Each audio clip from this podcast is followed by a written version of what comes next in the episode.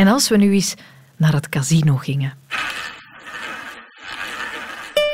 Als je het ziet op tv, zo in films of fictiereeksen, dan is het altijd zo glamoureus. Hè? Superchique balzalen bijna, met van die enorme kroonluchters boven eikenhouten meubels, knappe mannen in maatpak met een zeer ernstige blik, vrouwen in galajurk met verleidelijke blik, dieprode lippen, chips die dapper en gedecideerd in een torentje op één veldje worden gelegd. Een rouletteballetje dat al maar trager cirkelend een cijfertje zoekt om zich op te nestelen. En dan...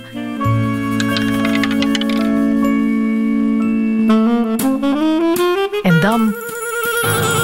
De Stoïcijnse croupier die genadeloos met zijn latje de verloren chips over het groene veld naar zich toeschuift. One million dollar, I'm so sorry sir. Allemaal kwijt. De volgende Ah, konden wij maar op een dag zo rijk en dapper en gesofisticeerd zijn dat wij daar gewoon een miljoen in plastic schijfjes op tafel zouden leggen. Zou je bijna denken. Maar ben je al eens in een casino geweest de jongste jaren? Dat is heel vaak droevige shit hoor. Superchique balzaal, Bois, in het beste geval is het dat ooit geweest, maar vandaag bladdert het behang af, de meubelen zijn gedateerd, het tapijt zit vol vlekken en in plaats van James Bond heb je tegenover je luidruchtige vrijgezellenbendes of Roger en Geneviève met een doffe blik in de ogen die daar effectief een miljoen op tafel hebben gelegd de voorbije jaren. En sindsdien zijn ze alles kwijt, hun geld, hun vrienden en hun gevoel van zelfwaarde. Echt heel Casino Royale is het daar meestal niet. We hangen zo het beeld op van een mythische plek waar het geld je zomaar in de schoot zou kunnen geworpen worden. Terwijl het in werkelijkheid voor veel mensen gewoon de grote poort richting gokverslaving is. Ik wil het daarover hebben. Gokken. En ik durf te wedden dat u graag gaat luisteren. Welkom in de wereld van Sophie.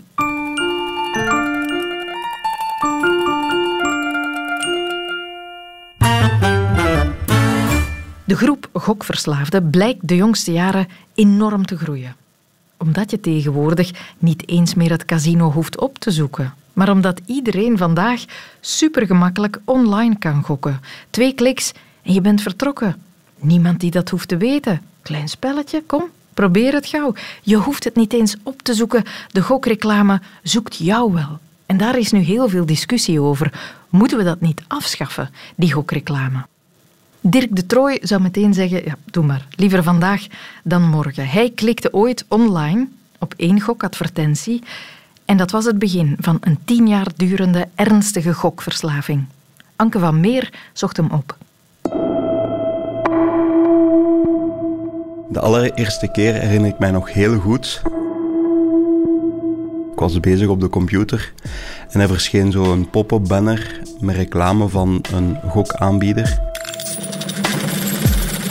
En daar stond eigenlijk een boodschap rond uh, als je nu een account aanmaakt en geld inzet, krijg je nog x aantal euro's erbij.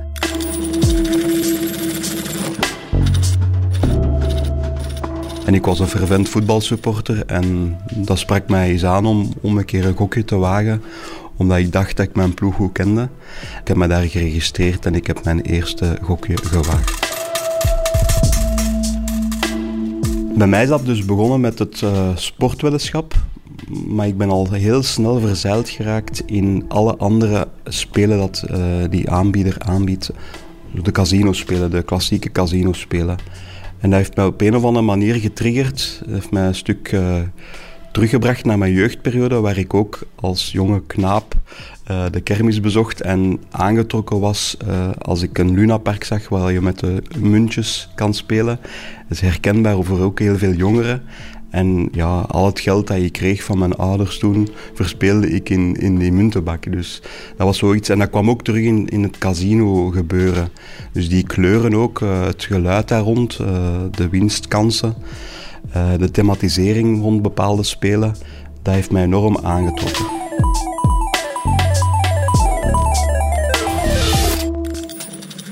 Ik merkte dat er al een probleem was, denk ik vrij snel in het begin, omdat ik gezogen werd naar het spel. En omdat op een bepaald moment je aan niks anders denkt. Je staat op en je denkt al onmiddellijk van wanneer ga je kunnen gokken. Gepland probeert dat ook in te plannen in je agenda.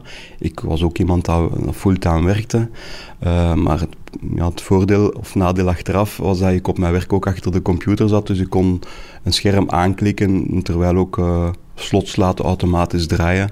En terwijl ook een tekst aan schrijven. Dat is heel eigenaardig.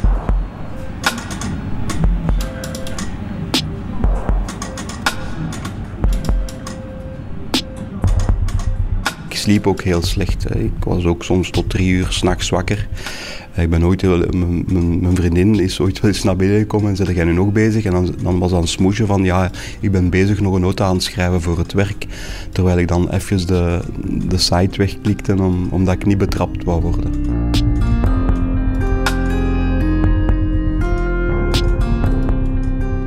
Dus ja, dat is 24 op 24. Dag na dag ben je daarmee bezig. En ook op het moment als je vrij bent of, of je hebt even pauze op de gsm, nakijken of je gewonnen had of, of toch nog iets, nog iets in zit of een spelletje spelen. Bij mij was het puur online.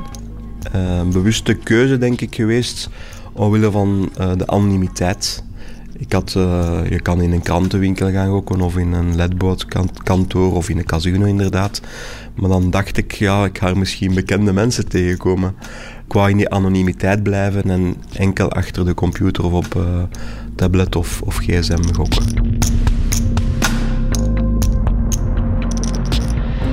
In het begin is dat, is dat leuk omdat je bent nieuwsgierig wat er allemaal gebeurt. Uh, je wint is. Uh, je verliest ook. Ik heb ook eens geprobeerd om zo zonder geld te spelen, maar dat, dat sprak mij niet aan. Dan is die, die adrenaline in je lichaam verdwijnt, dan er is geen kick.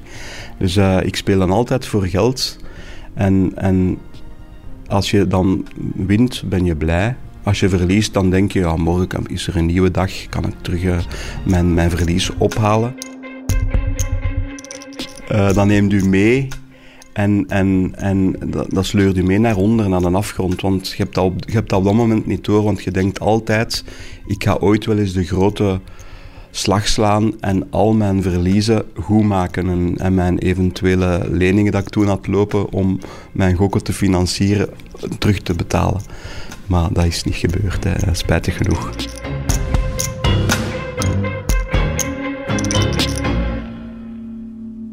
Denk dat, dat het echt niet goed meer kwam na tien jaar, want ik heb een tien jaar durende gokperiode achter de rug. Op een bepaald moment zat ik sloot. Dan, dan sluiten de deuren rondom u uh, en de muren komen op u af, omdat je zegt van ja, ik kan mijn gewone dagdagelijkse kosten moeilijk betalen. Ik zit dan ook nog met de leningen dat ik moet afbetalen, dus dat kwam allemaal heel kort bij ook het feit dat ik tien jaar lang in die anonimiteit gokte, maakt dat ik met niemand kon in vertrouwen nemen of geen een bondgenoot had. Ja, dan, dan kom je tot een bepaald proces in mijn, in mijn gedachten van het is beter dat ik uit het leven stap dan dat ik uh, mijn probleem aan iemand anders ga, ga, ga, leggen. Ik heb iedereen die tien jaar lang uh, gekend heb bedrogen en belogen. Ik heb in die anonimiteit geleefd. En dan maakte, ja, maakte ik een klik voor mezelf van ik ga ja, uit het leven stappen. En ik had plannen om, om een, echt een wanhoopsdaad uh, te verrichten. Ja.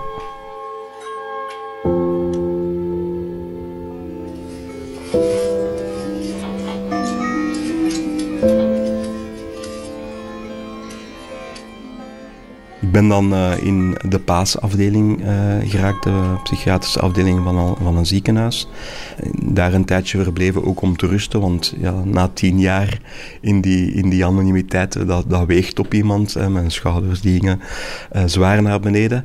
Maar omwille van uh, de methodiek, dat was de ACT-methodiek, uh, waar dat we ook de valkuilen gaan bekijken, uw triggers gaan bekijken, ook terug opnieuw uw waarden en uw normen ontdekken, uh, ben ik daar toch wel uitgeraakt. En heb ik ook van het moment dat ik de hulpvraag gesteld heb tot nu, zeven jaar later, niet meer gegokt.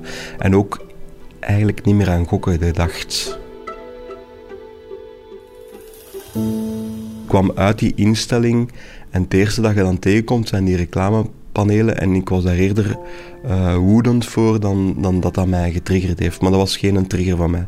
Een Luna Park bijvoorbeeld is nog wel altijd een trigger. Uh, dus zoals, we gaan nog altijd naar de kermis, ik heb ook uh, kinderen, maar het Lunapark is zowel voor de kinderen als voor mij verboden terrein.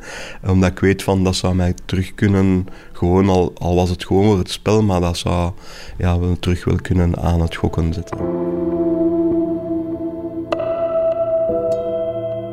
Ik ben een tijdje uh, werkzaam geweest bij de, bij de lijn, bij de busmaatschappij, als chauffeur, buschauffeur. En s morgens nemen wij gewoon de bus en we moeten onze ritten uitvoeren.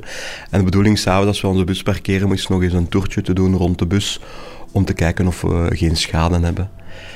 En toen viel mijn oog op uh, de achteruit dat dat volledig beplakt was met een reclameboodschap van, een, van iemand van de gokindustrie. En ik was zo kwaad op dat moment. Ik zeg, ik heb hier heel de dag rondgereden met een bus en reclame gemaakt voor iets waar ik een zwaar probleem mee heb, heb gehad. Want toen was ik al hersteld.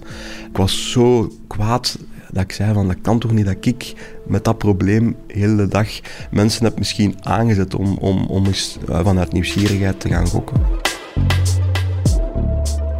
Ik heb daar zo'n afkeer van gekregen dat ik eerder vanuit mijn kwetsbaarheid mijn kracht wou maken en daar ook iets effectief mee gaan doen om anderen uh, daar rond te helpen. Dus ik heb uh, uh, studies aangepakt rond ervaringsdeskundigheid en rond herstel.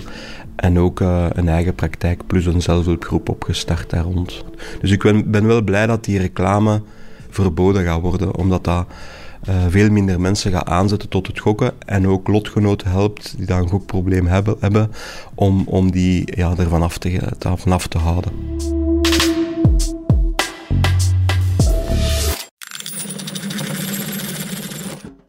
Je zou voor minder gokreclame gaan haten, hè? Als dat het begin is geweest van tien jaar dikke vette miserie, het blijkt voor wel meer mensen een sterke trigger te zijn. Dat vertelde Hendrik Peuskes.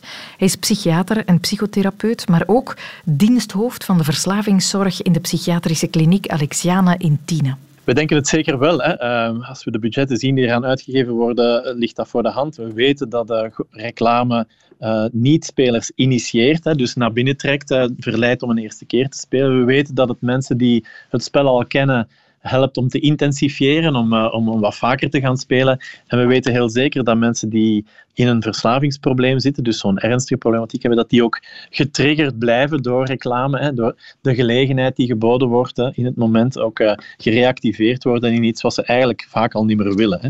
Mm En globaal, die, die, die overtal aan, aan, aan reclame en publiciteit geeft de suggestie dat uh, spelen, uh, gokspelen, mainstream zijn, dat dat iets is waar we in onze maatschappij gewoon maar mee om moeten kunnen dat het normaal is dat dat er is en dat dat ook door veel mensen goed gebeurt. Hè, uh, waardoor we een brede, brede basis hebben van mensen die instappen. Hè. Mm. Dokter Peuskes is dus ook voorstander van het afschaffen van gokreclame. Hoe meer, hoe beter. Wel, ik denk... Uh, de, op doelgroepen inzetten is zeker uh, het, het meest rendabele, denk ik. Hè. Dus jonge mensen zijn, zijn, zijn zeker een stuk kwetsbaarder uh, om in te stappen, om, uh, om, om meegenomen te worden in de kracht van die spelen. Hè. We weten dat dat bij alle verslavende middelen zo is. Hè. Voor, je, voor je 25ste, vooraleer je brein helemaal bekabeld en afgewerkt is, ben je vatbaarder voor de kracht van alles wat verslavend is.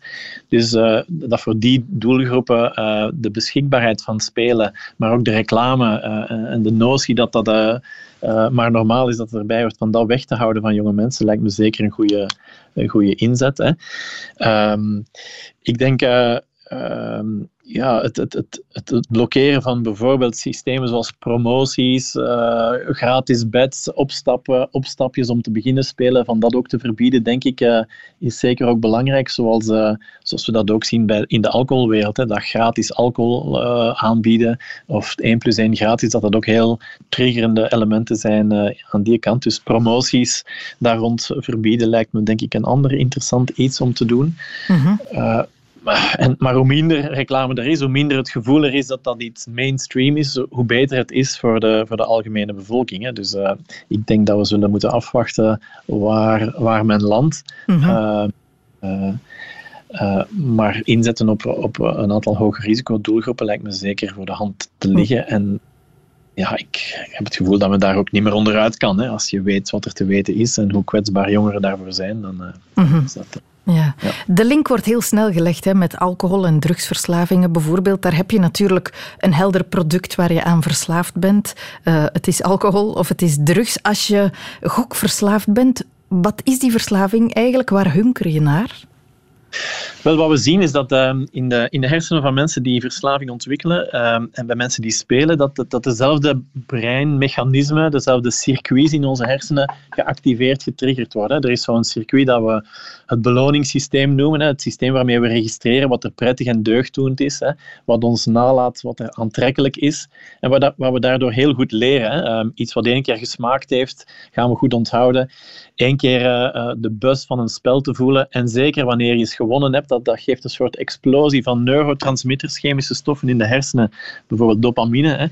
Uh, die, die ons helpt om dat heel goed te onthouden. En eigenlijk laat dat een soort trekkracht na, activeert dat een soort magneet hè, in ons brein, die voor altijd ons terug zal roepen naar zo'n situatie. Hè. En uh, we weten dus dat uh, gokken uh, zonder externe chemie, hè, zonder uh, een, een, een, externe chemische stof die je in je hersenen loslaat, dezelfde mechanismen in gang zet als uh, de chemische verslavingen.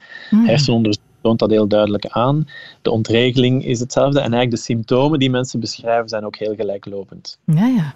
En het begint bij één gokje. Wat bepaalt dat de ene in een verslaving belandt en de andere het ook bij één of twee gokjes kan houden?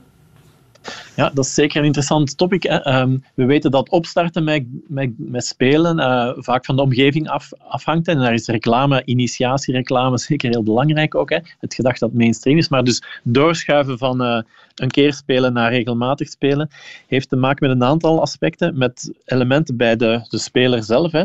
Een stukje genetische kwetsbaarheid daarvoor.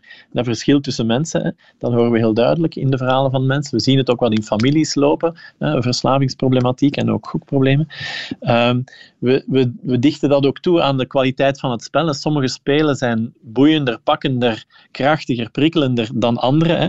Uh, en onder andere uh, ja, de, de spanningsboog die je hebt met zo'n spel maakt uit. Hè. Een spelletje waar je een inzet doet en een week later uh, pas een uitslag hebt en ondertussen allerlei andere dingen doet, is minder beklemmender uh, of beklijvender dan, uh, dan een spel waar je binnen de 30 seconden je uitslag krijgt en opnieuw kan inzetten onmiddellijk daarop. Hè. Dus de kwaliteit van het spel speelt een rol.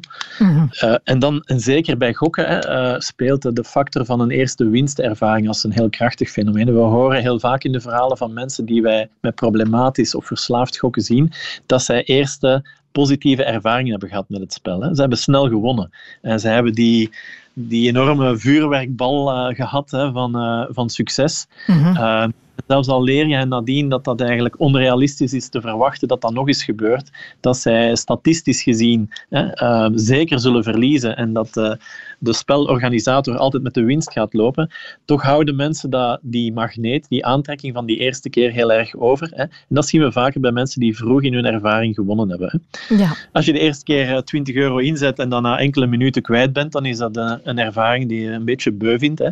Als je de eerste keer inzet en uh, plots op 400 euro staat, uh, uh, dan heb je, heb je materiaal om voor te spelen en dan heb je succes ervaren en geproefd. Hè. En dat is iets wat eigenlijk, wat eigenlijk um, buitensporig lang in, in, in mensen hun hoofd blijft nazinderen. En mogelijk bij een aantal mensen ook niet meer overgaat. Die trekkracht blijft dan bestaan, ook al komen nadien meer negatieve ervaringen. Ja, straf hè. Bij Dirk leidde zijn verslaving uiteindelijk tot ja, een soort vereenzaming. Uh, hij wou er met niemand over praten. Het kan ook super anoniem online. Geldproblemen en uiteindelijk suïcidale gedachten. Zo ver kan je verslaving komen. Ja, zeker en vast. Hè. Ik denk uh, die financiële put die mensen maken met grote hefbomen, uh, die soms niet te overzien. De, de, de de, de trucken die mensen gebruiken om zich nog een tijdje overeind te houden, hè, de, de, die ze nodig hebben om aan geld te geraken, om hun gokgewoontes te onderhouden, die drijft ons, hen vaak ook verder van wat ze zelf moreel juist of aanvaardbaar vinden. Hè. Dan horen mensen toch soms uh, slinkse manieren uh, gebruiken om, om, om geld te vinden van vrienden, te lenen, um, te verduisteren misschien zelfs. Hè, en daardoor in allerlei morele problemen te komen. Hè.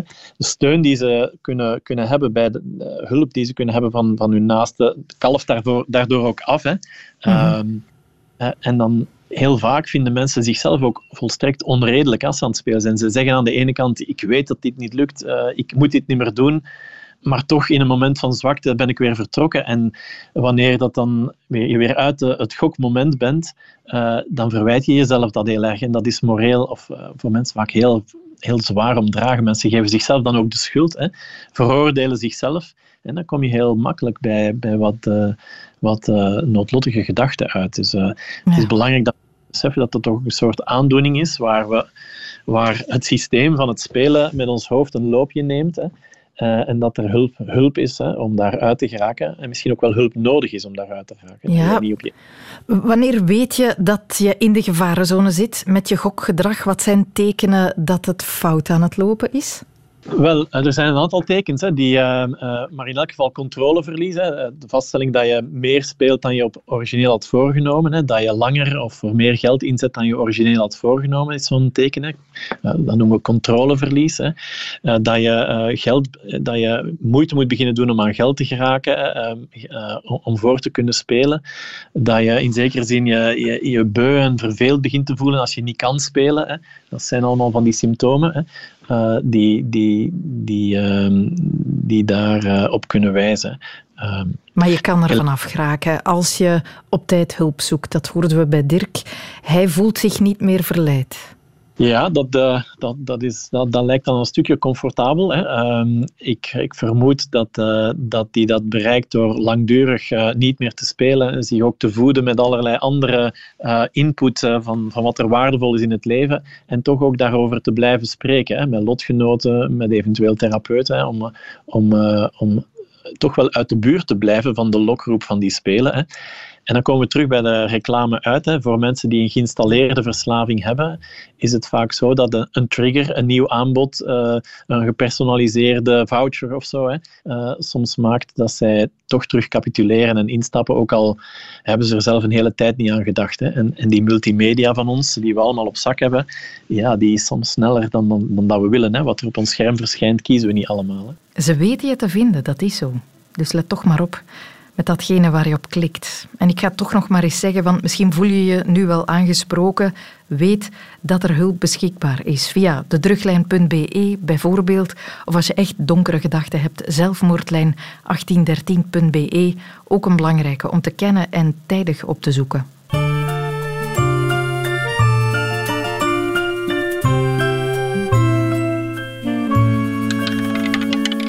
De wereld van Sophie.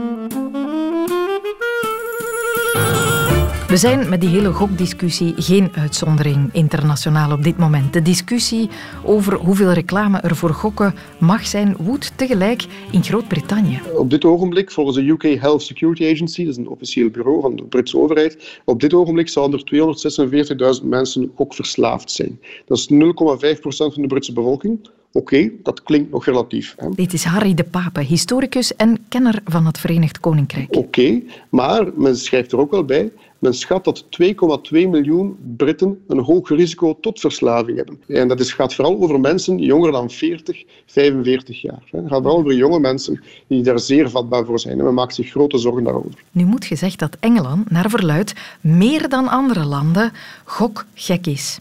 De Britten die gokken op alles en iedereen, welk weer het morgen zal zijn, de kleuren van de jurk die de Queen bij een volgende gelegenheid zal dragen. Hoe lang blijft Boris Johnson nog premier?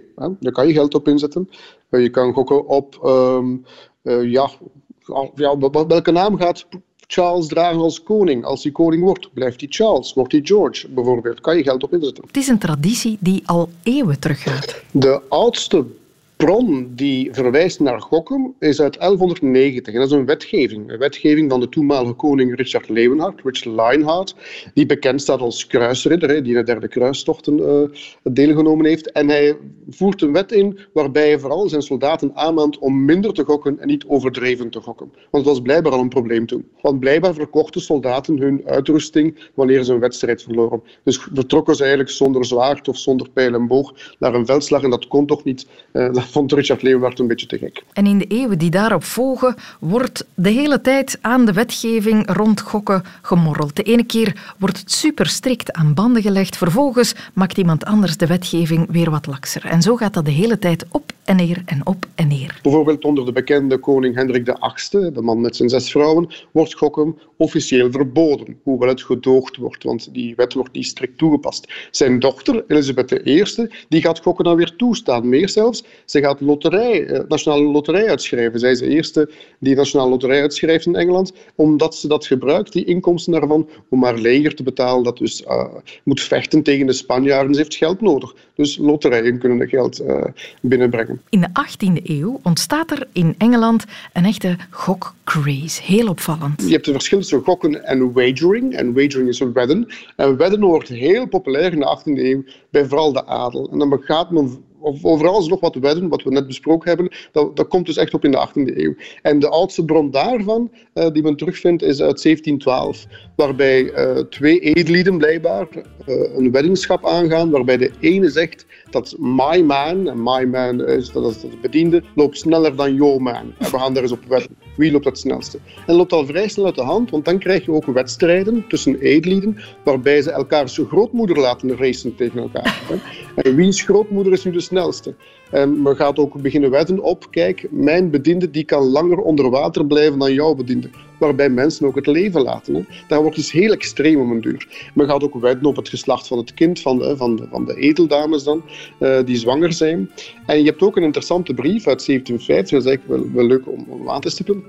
Horace Walpole, dat is een bekende politicus uit die tijd, een bekende schrijver uit die tijd, die schrijft in 1750 aan een andere uh, ja, gentleman, zal ik maar zeggen, dat hij een gentleman's club was in Londen en dat er een boodschap verscheen uh, aan, de, aan de deur en die man valt voor dood neer. En spontaan beginnen alle gentlemen in de club te wedden, gaat hij het halen, ja of nee?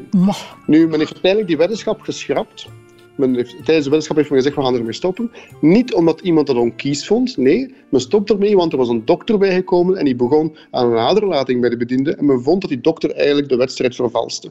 Dus men stopte de wedstrijd om te gokken of die man het overleeft, ja of nee. Amai, dat staat in die brief helemaal geschreven. Ja. En kort na dat feit, dat is 1750, vier jaar later, je hebt een, een, een toenmalig Londense weekblad, dat inmiddels al verdwenen is, de Connoisseur heet dat, weekblad. En op 9 mei 1754 schrijft men daarin, en ik ga even letterlijk citeren.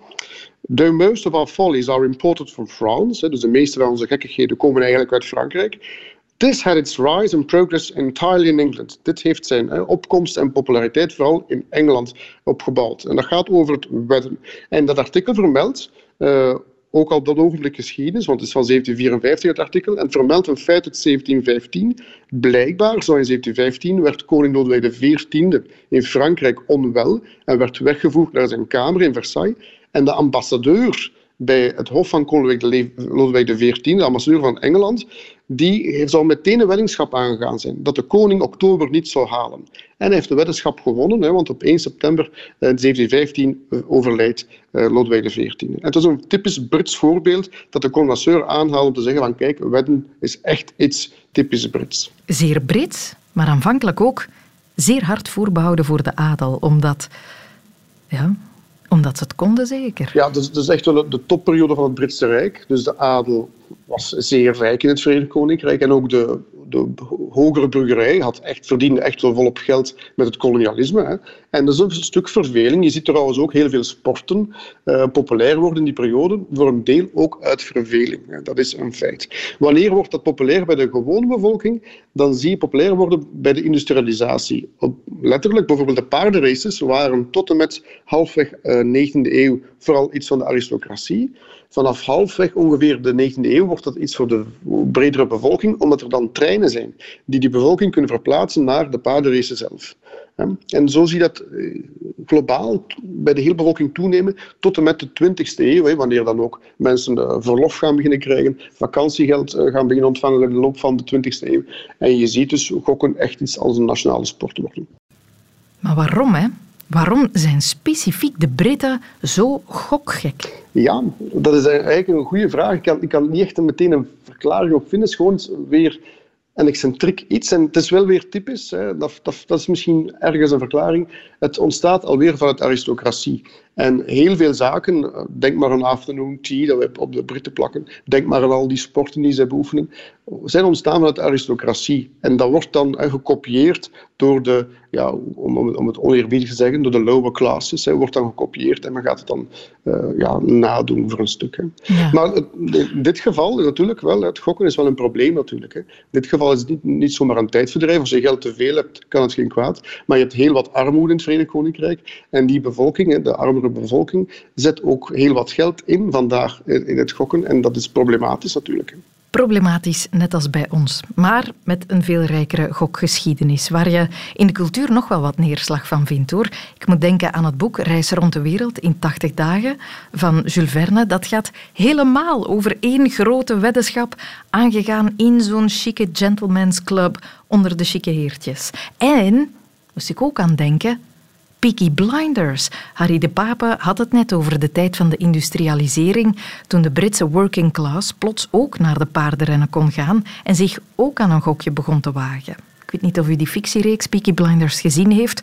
Mocht dat niet zo zijn, zeker de moeite om het wel eens te doen. Gaat over een straatbende in het Birmingham van begin 20e eeuw. En die worden in de reeks schatrijk door te infiltreren in het milieu van het paardenrennen. En dat is dus gebaseerd op een straatbende die ooit echt bestond. Maar is het verhaal in de reeks ook het echte verhaal van de echte Peaky Blinders? Dat zocht Wart Bogaert voor u uit. Ah ja, met een licht spoilergevaar voor wie nog niet keek. Seizoen 1, aflevering 2. Holy shit. It's Billy Kimber. Billy Kimber, de grote vijand van hoofdpersonage Tommy Shelby en zijn Peaky Blinders, wandelt de Garrison Pub binnen. Het hoofdkwartier van de Peaky Blinders. Is there any man here named Shelby? Kimber wil Shelby spreken omdat die met zijn Peaky Blinders probeert te infiltreren in het milieu van de paardenwedrennen. I said Is there any man here named Shelby? Dat kan Kimber niet aanvaarden, want hij en niemand anders is de baas. You fucking gypsy scum! What live off the war pensions of these poor old Garrison Lane widows? That's your level. I am Billy Kimber. I run the races and you fixed one of them, so I'm gonna have you shot against the post. Terwijl Shelby zich met fraude rond weduwepensioenen mag bezighouden. En van samenwerken is ook al helemaal geen sprake. I admire you, Mr. Kimber. You started with nothing and built a legitimate business. It would be an honor to work with you, Mr. Kimber. Nobody works with me. People work for me.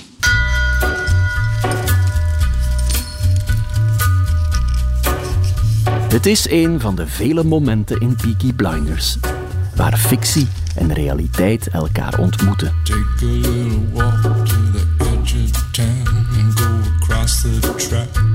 Billy Kimber, die heeft echt bestaan. Over hem moeten we het zeker nog hebben. Tommy Shelby, die bestond althans onder die naam niet. Maar de Peaky Blinders wel. Where secrets lie in the border fires and the humming wires. Yeah, man, you know you're never coming back. De Peaky Blinders waren maar een van de vele tientallen straatbendes in het dichtbevolkte, verpauperde Birmingham van rond de eeuwwisseling. Ze zagen er ongeveer uit zoals ze afgebeeld worden in de reeks, strak in het pak, met een pet schuin op het hoofd. Maar zonder de scheermesjes in de rand, want die waren rond die tijd, eind 19e eeuw, nog maar net uitgevonden en nog veel te duur.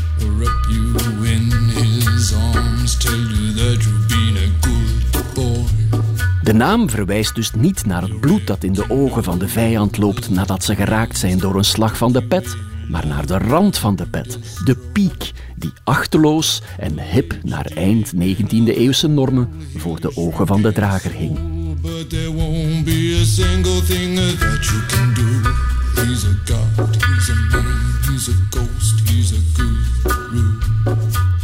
De Peaky Blinders hebben de macht in Birmingham vanaf zowat 1890, 30 jaar eerder dan in de reeks wordt beweerd. Maar ze verliezen die positie rond 1910 aan, jawel, Billy Kimber en zijn Brummagem Hammers. Dat vertelt Carl Chin, achterkleinzoon van een Peaky Blinder en lokaal historicus uit Birmingham. He was a lion of a man. He was fearless. He said, but he wouldn't fight with knives. He'd only fight with his fists.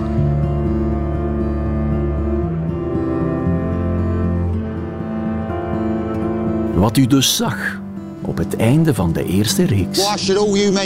Een dramatische shootout. Die eindigt met een klein rood bolletje mooi in het midden van Billy Kimbers voorhoofd. Dat klopt dus niet. Kimber and me fought this battle one-on-one. It's over. Het was Billy Kimber, die zijn criminele carrière trouwens begonnen was bij de Peaky Blinders, die met zijn Brummagem Hammers de macht in de straten van Birmingham van de Peaky Blinders overnam. Right. Brought you all here today. Because this is the day we replace Billy Kimber. This is the day we become respectable. Niks van Tommy. Billy Kimber was de man. En dat had hij te danken aan paardenwedrennen. De Gaming Act, een wet uit 1845, maakte van hippodromes de enige plek in het land waar nog legaal gegokt mocht worden.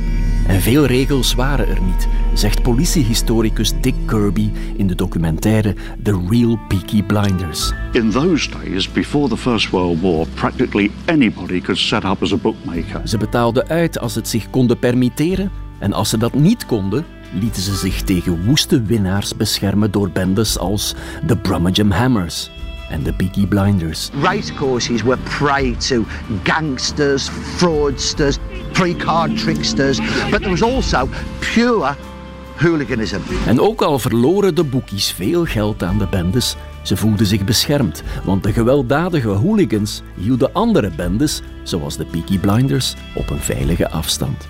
Kimber zocht toenadering tot de Hoxton Gang en tot de Elephant and Castle Mob. En zo werd een zootje ongeregeld straatrapalje al snel een strak georganiseerde geldmachine die het haalde van de minder goed georganiseerde Peaky Blinders. You can change what you do, but you can't change what you want. Door de snelle uitbreiding van het treinennetwerk in Engeland kon Billy Kimber zijn imperium uitbreiden over hippodromes in heel Engeland. Hij stierf zeer unsexy voor een gangster van zijn kaliber op zijn ziekbed in 1942. En Peaky Blinders, dat werd een soort verzamelnaam voor al die tientallen bendes in het eind 19e eeuwse Birmingham. En ook al heb ik nu al verklapt hoe de eerste reeks eindigt, mijn oprechte excuses daarvoor, het was nodig voor dit verhaal. Er zijn intussen zes reeksen. Doe er uw voordeel mee. Past the square, the bridge, the mills, past the.